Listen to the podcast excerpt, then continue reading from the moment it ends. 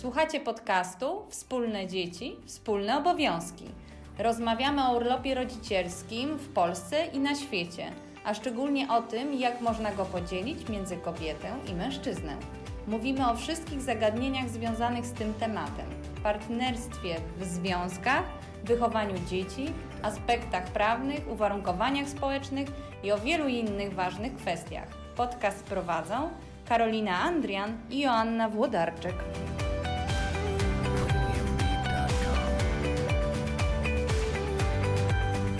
Witam serdecznie w kolejnym odcinku podcastu Wspólne Dzieci, Wspólne Obowiązki. Tym razem spotykam się w kawiarni z Martą Olcoń-Kubicką, socjolożką pracującą w Instytucie WAN, która e, prowadzi, e, prowadziła, prowadzi badania e, na temat finansów wśród młodych ludzi, podziału y, tych finansów i tego, jak się gospodaruje pieniędzmi. Zaraz Marta dwa słowa więcej o tym powie. Spotykamy się w kawiarni tym razem, w związku z tym y, mam nadzieję, że jakość nagrania będzie wystarczająca. Zobaczymy. Zaczynamy.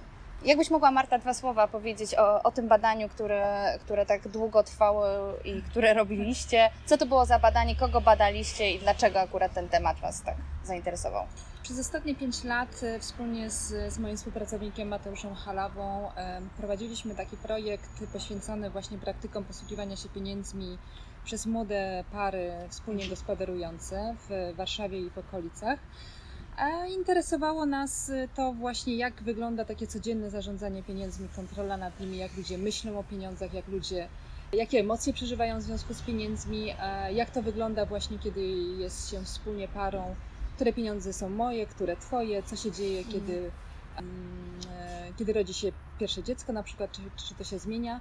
I przyglądaliśmy się życiu tych par w, w ciągu e, dwóch i pół roku, odwiedzaliśmy ich kilka razy w domu, obserwując ich życie codzienne z pieniędzmi. Mhm. I teraz jakbyś powiedziała jeszcze dwa słowa, co was, jakie, e, jakie obszary badawcze tam mieliście? Czy to były tylko małżeństwa, czy to też były nieformalne? Nie, by, mieliśmy, w badaniu wzięło udział 28 par, z czego e, połowa to były małżeństwa, połowa to były związki nie, będące małżeństwami. E, w międzyczasie dwie pary wzięły też ślub w czasie naszych badań, więc mogliśmy ich odwiedzić właśnie mhm. już po, po ślubie. E, były pary bezdzietne, pary z, pary z, jedną, z jednym dzieckiem, z dwójką dzieci, e, trójką. E, interesowały nas też pary, które właśnie kupowały jakieś mieszkanie albo i brały przy tym kredyt hipoteczny.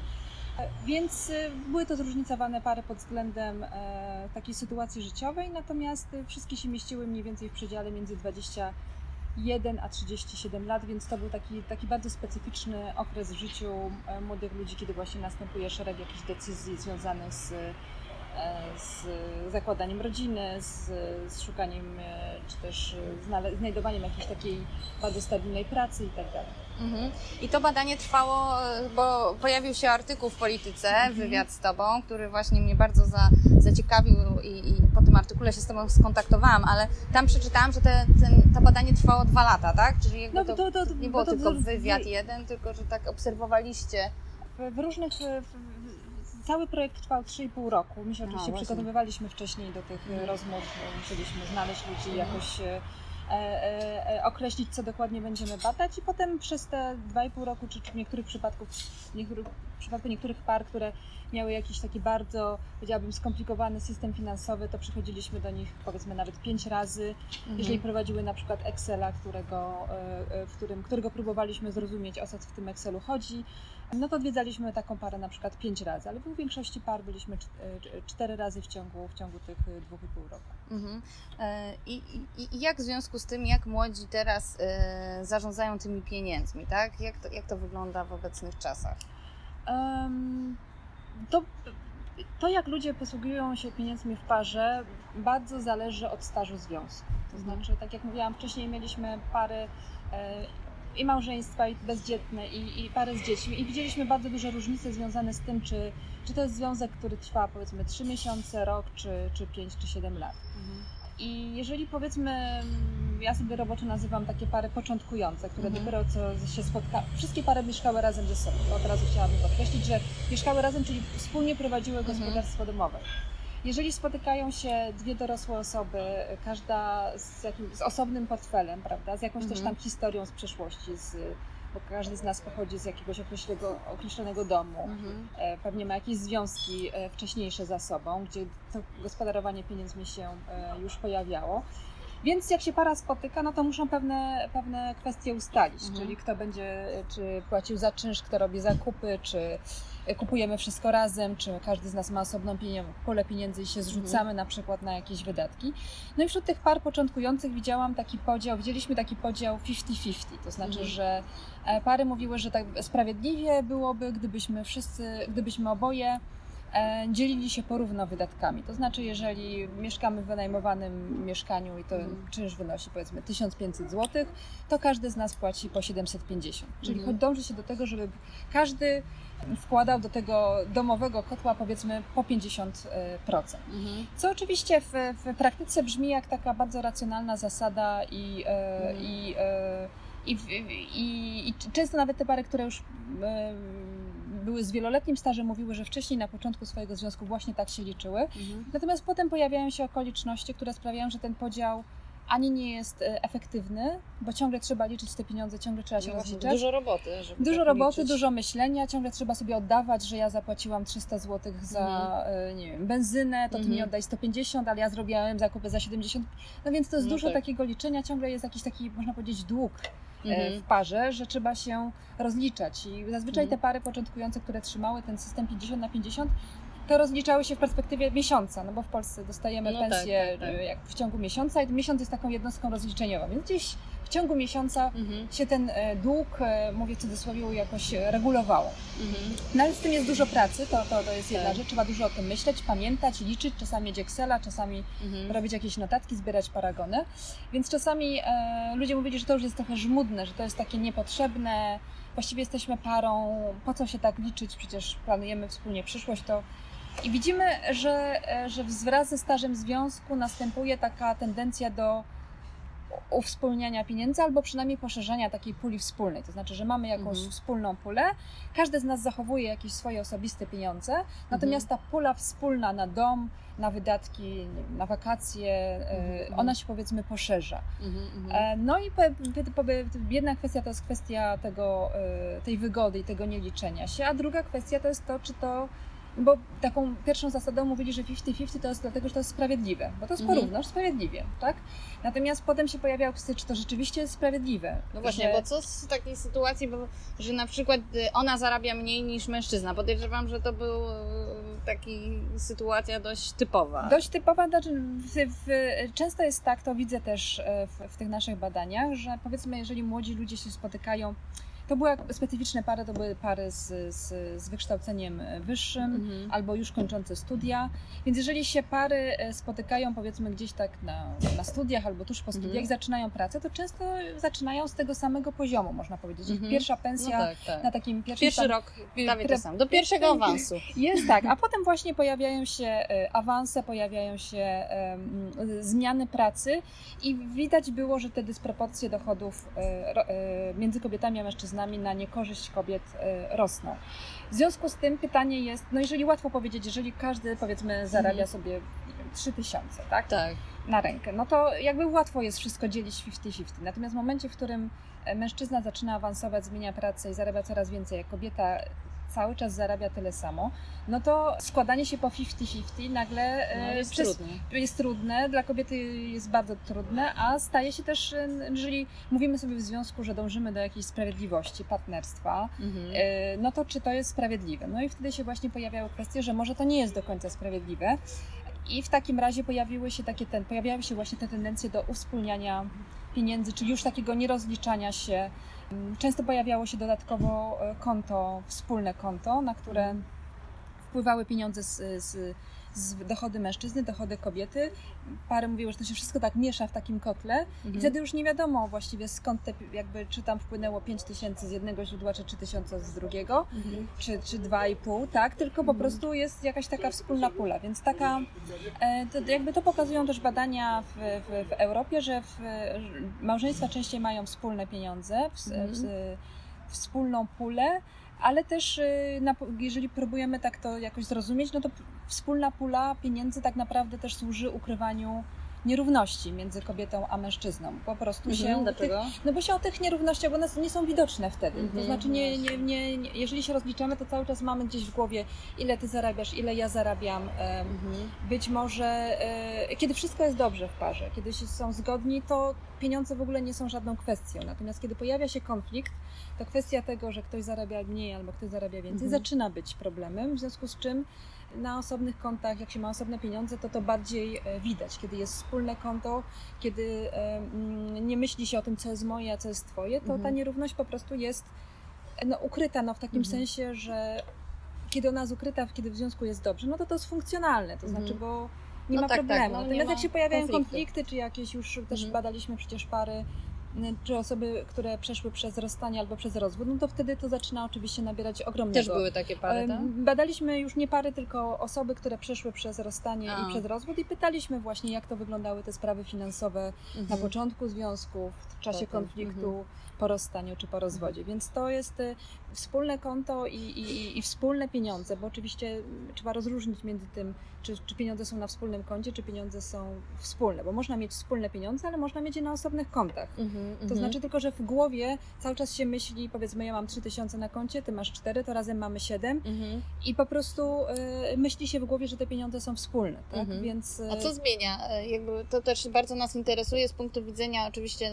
pojawienie się dziecka, bo to, co wyszło jakby w tych naszych no, badaniach czy rozmowach też z różnymi osobami, ja badałam na przykład mężczyzn po, po rodzicielskim i pytałam, co zdecydowało o decyzji, żeby mężczyzna poszedł na rodzicielski. Bardzo dużo rozbija się o finanse tak mhm. naprawdę. Kto więcej zarabia, ten nie idzie po prostu na rodzicielski, mhm. ponieważ mężczyzny, mężczyźni głównie więcej zarabiają, to najczęściej kobiety idą, tak pod kątem finansowym. A co, mhm. jak u Was w badaniu, co zmienia pierwsze e, dziecko? Tak, no, duże, pierwsze dziecko zmienia bardzo dużo w parze, zmienia całkowicie dynamikę, no, na takim poziomie też emocjonalnym, ale może skupmy się teraz na tych finansach. Mhm. E, zdecydowanie było oczywiste dla kobiet, które były w ciąży albo właśnie urodziły dziecko i spotykaliśmy się z nimi, kiedy były na urlopie macierzyńskim, że ten pierwszy rok, czy pierwsze pół roku, bo to w zależności od tego, jakie, mhm. jakie były te rozwiązania e, urlopu macierzyńskiego, że to będzie mm, zadanie matki, e, mhm. opiekować się dzieckiem. I uzasadnienia finansowe były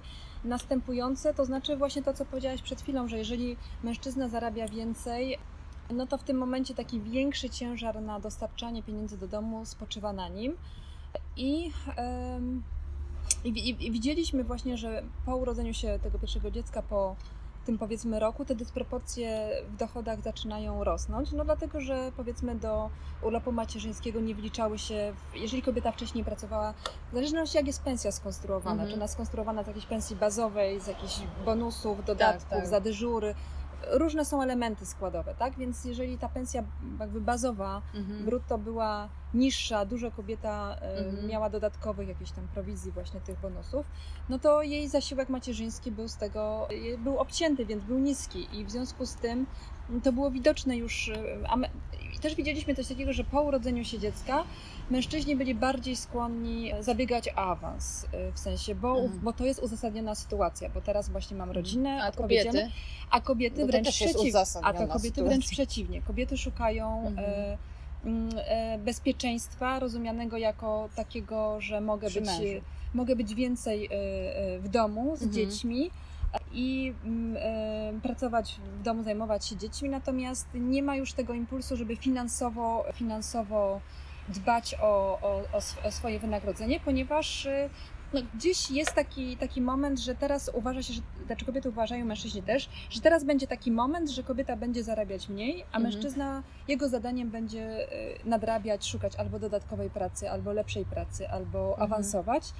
I dlatego te dysproporcje w dochodach właśnie po urodzeniu się pierwszego dziecka y, rosną. Mhm. A czy jest taka sytuacja, czy, czy spotkaliście się, okej, okay, ona rodzi dziecko, jest rok na urlopie rodzicielskim, wraca do pracy, no z tytułu tego, że jest y, po rocznym mhm. Y, urlopie, na pewno ten awans jest spowolniony. Mhm. Potem jest kwestia tego, że to jest małe dziecko, trzeba je wcześniej odbierać przedszkola, to choruje i, i, i tak. też pewnie z racji tego, że ona była na tym urlopie rodzicielskim i ona mniej zarabia, to jest ona tym takim backupem jeśli chodzi o opiekę, czy potem pojawiają się takie, takie myślenie, że okej, okay, no skoro ja jestem na tym urlopie rodzicielskim, to ja nie mam szansy na to, to ta dysproporcja między zarobkami, ona się zwiększa, bo to tak. pokazują też badania, że po, po dzieciach ta, no ta dysproporcja w zarobkach ogromnie rośnie. I tak. teraz jeśli ja nie, nie podzielę się tym rodzicielskim albo nie zadbam o to, no to dogonienie mężczyzny no jest bardzo trudne. I jak w związku z tym potem kwestia tych finansów, tego, tego wsadzania do tego koszyka, skoro ja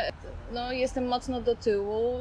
Ja myślę, że problemem jest to, że, że, że kobiety no mężczyźni też, ale po prostu kobiety o tym nie myślą. To nie mhm. myślą o, w, takiej, w takiej perspektywie, że y, no myślą w takiej perspektywie mm, powiedzmy następnych kilku miesięcy. Mhm. Natomiast planow- jak to się, jakie to ma konsekwencje do najbliższych kilku lat, to to jest jakby gdzieś poza taką sferą mhm. wyobraźni, bo się jakby koncentrują na tym rodzicielstwie, na tym e, macierzyństwie i tak mhm. dalej. I, I myślę, że dopiero potem to zetknięcie się, konfrontacja z rzeczywistością zaczyna, dopiero po, nawet po kilku latach zaczynają sobie jakoś myśleć, mhm. że to było dla nich bardzo trudne, że pierwsze były wyłączone przez rok. Mhm E, wrócić e, do, do pracy, po pierwsze mąż czy partner już e, gdzieś mhm. tam jest w innym miejscu, po drugie w pracy też ludzie też są już trochę w innym miejscu, mhm. więc myślę, że to jest, to jest coś, o czym co się trudno sobie jest wyobrazić. Mm -hmm. To mhm, myślę, że to może być jakaś taka przeszkoda, że o tym się po prostu nie myśli. Też zauważyłam takie, nie wiem, czy też macie takie spostrzeżenia, że kobiety nie myślą w kontekście bezpieczeństwa swojej rodzinie o finansach. One jakby domniemają, że to bezpieczeństwo finansowe jest przypisane do mężczyzn, a, a z punktu widzenia dobrobytu dziecka, tak naprawdę w dzisiejszych czasach, kiedy ta gospodarka jest taka dość no, płynna, dużo się zmienia, tak naprawdę, żeby zapewnić stabilność i bezpieczeństwo dziecku, ważne jest to, żeby obydwoje rodziców byli w stanie zapewnić mu ten byt finansowy, a w momencie e, jakichś trudności życiowych, czy, czy rozstania, czy jakby choroby, czy zmiany mhm. pracy, bezrobocie, no bo też mężczyźnie też się może to mhm. przytrafić, no jakby kobieta jest w stanie zapewnić ja nie mówię, że w 100% na mhm. takim samym poziomie, jak obydwoje pracują, ale na jakimś tam poziomie mhm. bezpieczeństwo. Mhm. Czy, czy, czy spotkaliście się, że, e, że pary o tym myślą też? Czy, no właśnie nieliczne pary o tym myślą, mhm. w tym sensie, że to, to co mnie jakoś tak uderzyło w, w, w tych badaniach, że, że kiedy się mówi o partnerstwie, o tym, kto powinien ile przynosić pieniędzy do domu, no to w polskim społeczeństwie dominują te y, konserwatywne tendencje y, mówiące o tym, że to mężczyzna jest tym mhm. głównym głównym dostarczycielem dochodu. Ja nie mówię, że jedynym, bo to nie mhm. o to mhm. chodzi, bo oczywiście są takie modele, z tych akurat nie, nie, nie badaliśmy, bo w, y, y, jak mówię, badaliśmy specyficzną grupę, gdzie były przynajmniej początkowo dwa, do, dwa dochody, dochody. Tak? Mhm. Natomiast nawet w tej grupie widzimy, że właśnie wraz z, urodzeniem się dziecka mm, idzie ta tendencja ku temu konserwatywnemu modelowi, że mężczyzna jest tym głównym dostarczycielem, że jego, o czym to świadczy? Świadczy o tym, że jego praca jest ważniejsza, to mhm. znaczy jeżeli na przykład para mówi, że szuka jakiegoś mieszkania większego czy coś takiego, to mówiły o tym, żeby jemu było blisko do pracy, tak? Mhm. Mężczyźnie, dlatego, bo po prostu jego praca jest tą bazą domu, tak? Tymi mhm. fundamentami. I gdzieś tam, gdyby użyć takiej metafory, no to e, można powiedzieć, że zadaniem mężczyzny w odczuciu tych badanych e, mhm. oczywiście jest e, oczekiwanie, że mężczyzna złoży te zbuduje te fundamenty domu, zadba o to, żeby było na te podstawy, natomiast kobieta będzie ten dom wypełniać życiem, to znaczy mhm. kupować, dostarczać zakupy, mm-hmm. dbać o to, żeby ten dom żył. E, I gdzieś były takie, u niektórych kobiet przejawiały się takie takie tęsknoty, takie, że szkoda, że w Polsce jest tak, że kobieta jednak musi pracować, tak? mhm. tak? Że nie, że nie wystarczy z tego jednego dochodu mężczyzny e, żyć. żyć. I, mhm. i, I, myślę, że. E, Ale to chyba nawet to nie tylko w Polsce jest, tak? Tak, oczywiście. Jakaś... Ja, e, tak. Z, z, z, z, tym, że chciałam powiedzieć, że właśnie nawet w tej grupie mm, tych, tych, tych osób z wielkomiejskiej klasy średniej, to urodzenie się dziecka, zwłaszcza ten pierwszy rok, bardzo mhm. jakby to, to, zmienia też takie trochę myślenie, bo no bo jakby jest potrzeba mhm. bycia z tym dzieckiem i tak dalej i ono wysuwa się na pierwszy plan, e, ale odsuwa się na plan taka przyszłość, w sensie co będzie mhm. właśnie w tych sytuacjach, o których Ty mówiłaś. Ja już nie mówię o takiej sytuacji, dla mnie jakby kontrastową sytuacją sytuacja konfliktu i rozstania, tak? Mhm. Ale oczywiście e, nawet e, zdarzają też się te historie, o których Ty mówiłaś, właśnie mhm. utrata pracy, choroba, wypadek e, i oczekiwanie, że zawsze będzie dobrze, bo mężczyzna zawsze będzie dostarczał ten dochód, mhm. nawet jeżeli ma bardzo dobrą pracę, jeżeli ma dobre kompetencje i gdzieś zakładamy, że on będzie tę pracę cały czas miał, no to jest to jakieś ryzyko w to wpisane, że, że wszystko jest Na jedną. położone na barkach jednej osoby i to jest oczywiście też duże obciążenie e, psychiczne dla mężczyzn. No właśnie, tak? czy mężczyźni coś wspominali o tym, bo jednak bycie jedynym żywicielem albo głównym żywicielem w momencie, kiedy pojawia się pierwsze dziecko, drugie, to wiadomo, że wydatki rosną, tak? Trzeba zapłacić za przedszkole, nawet jak to jest Mhm. państwowe, ale tu książki, a tu kolonie, wiadomo, a tu jakieś myśleć o studiach, o oszczędzaniu. Tak naprawdę tych wydatków jest coraz więcej. Pewnie pojawia się jakiś kredyt w międzyczasie. Czy to nie jest dla mężczyzn zbyt trudne? Czy oni nie mówią o tym, że chcieliby jednak mm, żeby, żeby ta e, odpowiedzialność finansowa była trochę inaczej rozłożona. Mhm. Ja bym powiedziała tak, że tak jak kobiety zaakceptowały sytuację, że one biorą na siebie ten gro obowiązków związanych z, z e, zajmowaniem się dziećmi, tak mężczyźni jakby całkowicie akceptują, że to oni powinni być tymi Mhm. głównymi dostarczycielami Mhm. e, dochodu w rodzinie. I naprawdę takie powiedziałabym jednostkowe przypadki były wtedy, kiedy wspólnie przy, jakby przy nas, przy badaczach, para rozmawiała o tym, jak to będzie w przyszłości. I, ale to są naprawdę jednostkowe przypadki, kiedy Mhm. myśl, pojawia się takie planowanie o dalszej przyszłości, takiej Mhm. w perspektywie 20-30 lat, kiedy się pojawia myślenie właśnie o emeryturze, o, Mhm. O tym, co będzie, jeżeli y, nie będę już tym 30-latkiem y, No cały czas awansującym, prawda, gdzieś przyszłość jest świetlana. To były takie rozmowy między e, kobietami i mężczyznami i, i pamię- zapamiętałam bardzo dobrze jedną parę, w której właśnie mężczyzna, jakby y, kobieta y, urodziła drugie dziecko i chciała jeszcze zajmować się dziećmi, nie iść od razu do pracy, natomiast mężczyzna jej tłumaczył no, w ten sposób, że no właśnie to, że, wy, że wypadniesz z pewnego rytmu, tak? że Mhm. będzie ci trudniej nadrobić, że musisz, jakby jesteś teraz w tym wieku, że jakby łatwiej ci będzie gdzieś sobie zaplanować jakąś ścieżkę zawodową. Mhm. No i wręcz to- był jedyny przypadek, gdzie powiedziałabym mężczyzna wręcz wypychał kobietę na, y, na Mhm. rynek pracy, mówiąc musisz właśnie Mhm. iść, musisz się rozwijać, musisz awansować i tak dalej. W większości przypadków mężczyźni raczej powiedziałabym ściągali kobiety w dół. Kobieta mówiła planuję pójść na pół roku, potem zamierzam wrócić, ale mężczyzna mówił, ale jakby kto się będzie zajmował dzieckiem, tak? No Idź, dlaczego weź oni ten tak, roczny, weź że- ten, ja, ja się tym zajmę, weź ten roczny. Aha. I to jest bardzo ciekawe, to jest bardzo paradoksalne, że e, następują e, takie przeliczenia pieniędzy.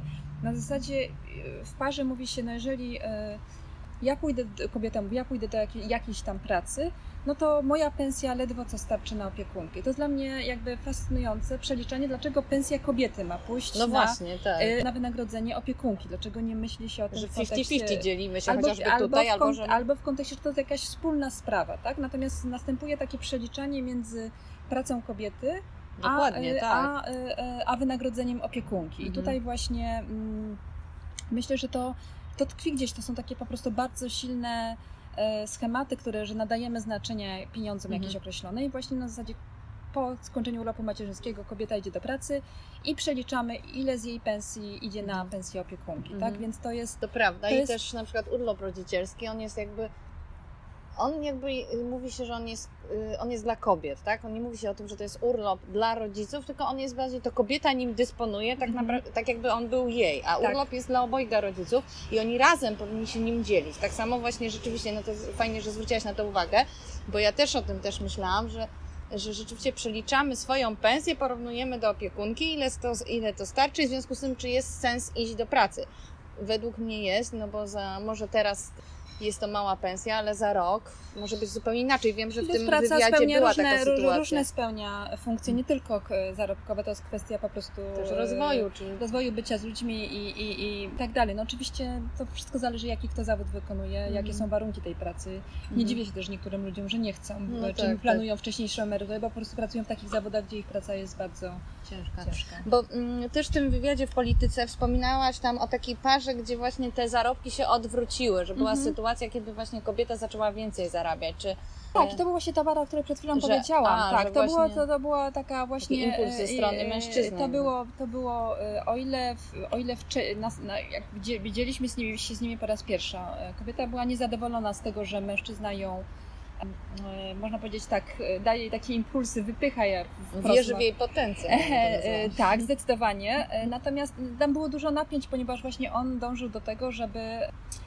dzielić się e, opiek- wynagrodzeniem opiekunki 50-50. Natomiast jeżeli on zarabiał 8 tysięcy, a ona szła do pracy za 2 tysiące, a opiekunka miała kosztować tam powiedzmy już nie pamiętam, ale powiedzmy, że 1600 zł, mhm. no to oczekiwanie, że osoba, która 8 tysięcy zapłaci 50 i ta, która zarabia 2,5 tysiąca zapłaci mhm. jakby połowę, mhm. no to wtedy to dużo było napięć, więc między nimi było bardzo dużo napięć o tym właśnie, co jest sprawiedliwe, co jest racjonalne, jak powinno być.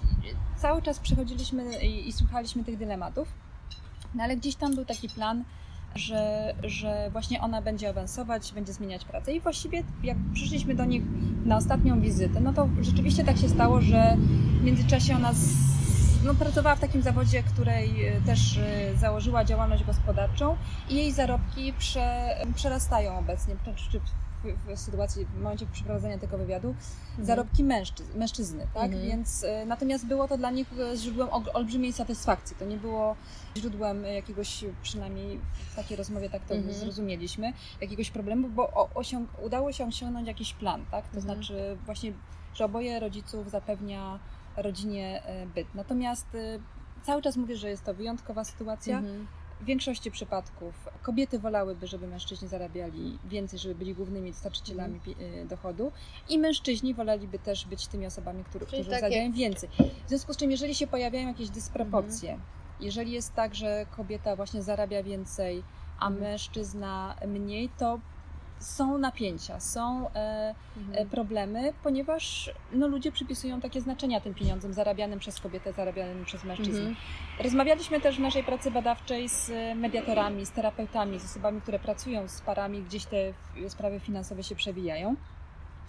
I co się okazało? Bardzo często w sytuacji, kiedy kobieta e, jest tą zarabia zdecydowanie więcej, to para na przykład ukrywa to przed e, rodziną, przed swoimi znajomymi, ponieważ jest to jakiś wzór mhm. sprzeczny z tymi wzorami, które w Polsce są e, dominujące. Więc mhm. to jest bardzo dużo takich przeszkód mentalnych, bym powiedziała, no tak. do jeżeli, jeżeli pomyślimy sobie, że urlop rodzicielski to jest taka sytuacja, w której opiekuję się dziećmi, ale moje dochody są mniejsze, bo jestem pozbawiony tych wszystkich właśnie bonusów, prowizji, dodatków, tak jak mówiłam, w zależności jak jest tak. skonstruowana pensja, no to może się pojawić blokada, że moja sytuacja się pogorszyła, powinna się polepszyć, prawda? Bo mm.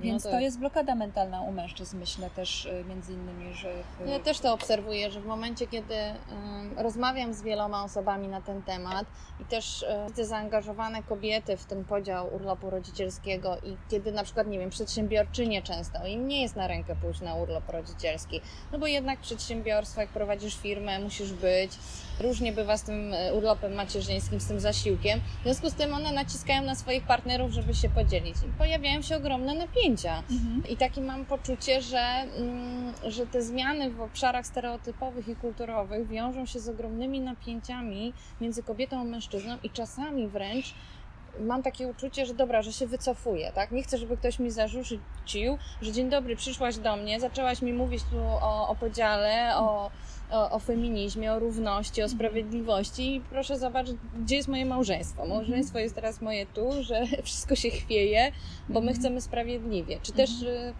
tutaj zaobserwowaliście? E, ja myślę, że to, to, są, y, to, to, to, to są przypadki, których, o których słyszałam właśnie z rozmów z mediatorami czy, czy z terapeutami. W, w naszych badaniach takiej, takiej sytuacji nie było, natomiast całkowicie jestem w stanie sobie wyobrazić, że, że właśnie w przypadku dobrze zarabiających kobiet czy kobiet prowadzących mm, działalność gospodarczą, która się wiąże z jakimiś takimi e, no innymi po prostu obowiązkami mm. niż, niż, niż praca na, na etacie, że one się na pewno pojawiają. Tak? Mm. I to jest pytanie, co jest e, jakby jaka będzie cena tego, no, tego dokładnie, rozwiązania. Tak, tak, dokładnie. No mówię, że jestem po wywiadzie z Amerykaninem, który mieszka w Szwecji, ma trójkę dzieci ze Szwedką, jakby poznali się za młodu e, i mieszka od 14 lat w Szwecji i opowiadał właśnie o tym, jak e, jest być na urlopie e, rodzicielskim. I pytałam o Szwedki, jak one do tego podchodzą. I, i tam jest dyskusja raczej między nimi nie to, czy, czy się dzielimy, jak się dzielimy, tylko kto bierze urlop rodzicielski w te miesiące letnie, a kto w te zimowe, więc tam jest zupełnie inna, inna, zupełnie inna, mentalność. To, to już jest, inny, już jest inny poziom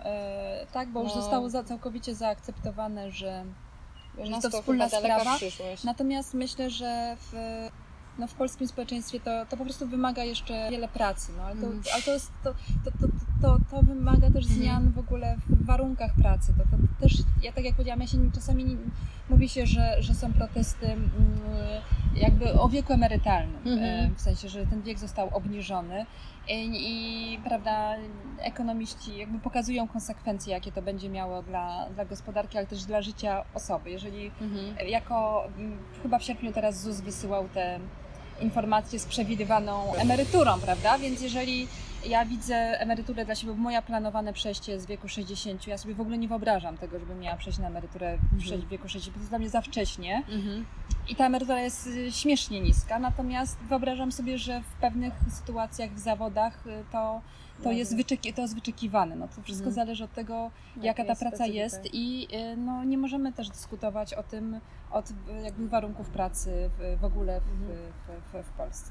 Mhm. Jeszcze ostatnie takie pytanie chciałabym porozmawiać, bo mm, w tym jakby w tej równości między kobietą a mężczyzną bardzo dużo mówi się o partnerstwie. Ja jak czytam badania, ostatnio widziałam takie badania polsko-szwedzkie, gdzie w ogóle 80% i kobiet i mężczyzn twierdzi, że oni mają partnerskie związki, tak? Że- Mhm. że jesteśmy partnerami partnerstwo jest obecne u nas w małżeństwach. No ale jak się potem schodzi niżej, tak, i się zastanawiamy, co to partnerstwo dla ciebie oznacza i były badane, ile czasu spędzasz, na, poświęcasz dzieciom, na zmywanie, na sprzątanie, na opiekę i tak dalej, Mhm. no to to partnerstwo rzeczywiście, mm, powiedzmy, jest dziwnie interpretowane bardzo. Mhm. E, Chciałam się zapytać tutaj w obszarze finansów, co znaczy partnerstwo? Bo na początku to partnerstwo, to co wspomniałaś, jest to 50-50, tak? Że to że tutaj po połowie, a potem w momencie, kiedy ten czas y, idzie, te pary mają coraz większy staż małżeński, pojawiają się dzieci i kredyty, to na czym polega potem to partnerstwo? Mhm. Jak oni to interpretują? Czy jest jakiś jeden wzorzec? Mhm. Rzeczywiście e, to słowo partnerstwo pojawiało się wielokrotnie w naszych wywiadach i pary lubiły mówić o sobie, że są partnerskie. I to chodziło o takie wspólne podejmowanie decyzji, Mhm. o informowanie się nawzajem o, o tym też, co, co, jakby co się planuje zrobić właśnie na przykład w związku z wydatkami. Mhm. Więc to chodziło o to, żeby takim przeciwieństwem tego partnerstwa byłoby sprawowanie takiej maksymalnej kontroli nad y, wydatkami. To znaczy często y, y, ludzie opowiadali o sw- związkach swoich rodziców, Mhm. małżeństwach swoich rodziców i, i jako takim negatywnym punkcie odniesienia, że ja bym nie chciała, tak jak było u mnie w domu, że ojciec wydzielał matce pieniądze, tak? Że Mhm. matka, jeżeli coś chciała kupić, to musiała go prosić o to. Ja absolutnie wykluczam, że miałabym się Mhm. prosić, konsultować i tak dalej. Więc gdzieś e, partnerstwo jest rozumiane jako takie właśnie wspólne dbanie o, o dom, Mhm. ale też e, nad takim, że nie ma władzy, że nie ma Mhm. takiej, że ktoś nad kimś sprawuje mm, e, władzę. Druga rzecz to jest, y, więc ja bym powiedziała, że partnerstwo y, to jest też kwestia takiej transparent, znaczy transparentności w tym sensie, że właśnie się umówiamy na pewne rzeczy i oboje tego jakoś y, przestrzegamy, a Mhm, nie, że mhm. ktoś ma jakieś specjalne przywileje albo nie musi tego, y, tego robić. Natomiast jeśli chodzi o takie partnerstwo, to nie znaczy równość. To nie znaczy, y, Mhm. że właśnie tyle samo zarabiamy, dokładnie to samo robimy w domu. Widzę Mhm. coś takiego, że ludzie też próbują w odniesieniu do obowiązków domowych wprowadzić, wprowadzić jakieś zasady podziału. E, tylko to jest o wiele, to, to, tylko to jest trudniejsze, dlatego że Mhm. jeżeli chodzi o pieniądze, to pieniądze jest łatwo policzyć, jest łatwo je Tak. podzielić, łatwo są operacje e, arytmetyczne, to łatwo jest przeprowadzić. Natomiast e, w, odniesieniu do obowiązków domowych jest to o wiele trudniejsze. I też słyszałam i czy w wywiadach, czy w jakichś też rozmowach takich mniej formalnych, kiedy ludzie opowiadali mi o tym, jak się dzielą obowiązkami domowymi, to znaczy, że mają podział tygodniami albo jednostkami, Mhm. e, że na przykład odkurzanie, mycie okien, żeby przypisane jest do tego na przykład czas, który się spędza, tak? Albo Mhm. czy ktoś to lubi robić, czy ktoś tego nie lubi robić. Ale nawet w tym, e, nawet w tym takim, jeżeli jest jakiś podział i pary mówią, że dzielimy się sprawiedliwie, powiedzmy porówno, no to potem się okazuje, że e, mężczyźni jakby wykonują prace, które są powiedzmy, no bo są fizyczne na przykład, ale e, nie ma tam takiego komponentu myślenia o tej pracy, tak? Tylko Mhm. się ją po prostu wykonuje. I, to, Aha, więc jest to bardzo tak, taki, tak, to tak, zrobi. więc na przykład e, powiedzmy, że nie wiem, z, zmiana jakaś techniczna w domu, to jest- to jakiś krótki Mhm. odstęp, y, krótka rzecz, która y, że robi się rzadko, Mhm. natomiast myślenie o wizytach u dentysty dzieci, e, jakby myślenie o zajęciach i tak dalej, to to jest praca, bo jeżeli ktoś mówi, że zawozi dzieci na jakieś zajęcia czy do przedszkola i tak dalej, Mhm. to sam jakby zawożenie trwa jakąś jednostkę czasu, ale dużo jest też takiego czasu Wiem, o co ci e, chodzi, tak. związanego z planowaniem, myśleniem. Ktoś tak- musi zaplanować i jest- powiedzieć, słuchaj, to ty zawieź we wtorki i w piątki. I na przykład jest powiedziane, że kto chodzi powiedzmy, e, czy tam na zakupy, czy ktoś, ktoś, e, e, że ja robię zakupy, tak, ale powiedzmy, że ja robię zakupy z listą zakupów, którą zrobił ktoś Mhm. dla mnie, to jest to inny rodzaj pracy niż ja muszę zaplanować, zrobić zakupy i jeszcze ugotować obiad. Tak.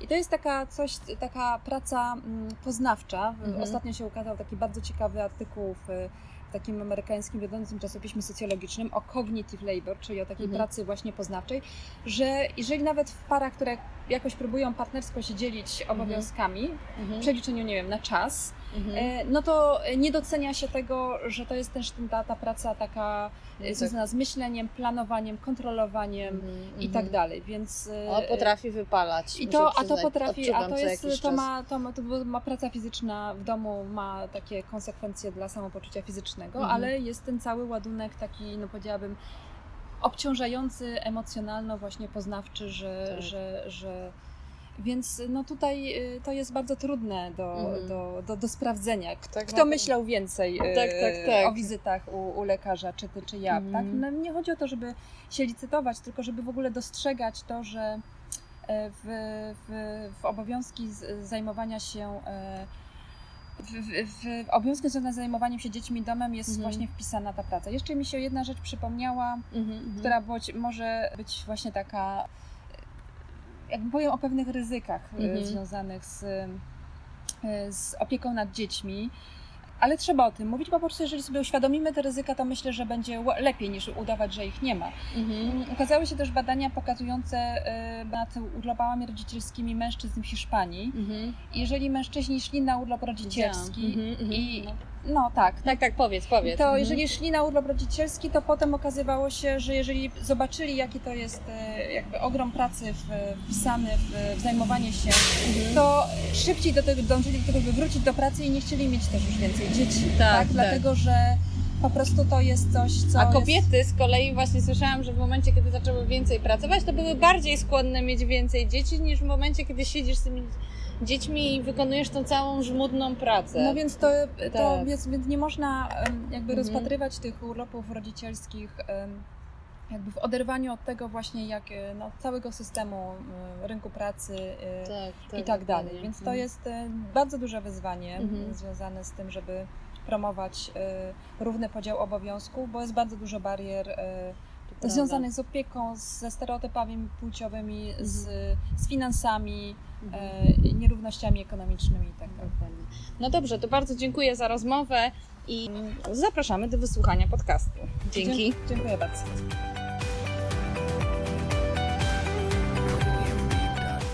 Podcast prowadzony w ramach działań Fundacji Share the Care.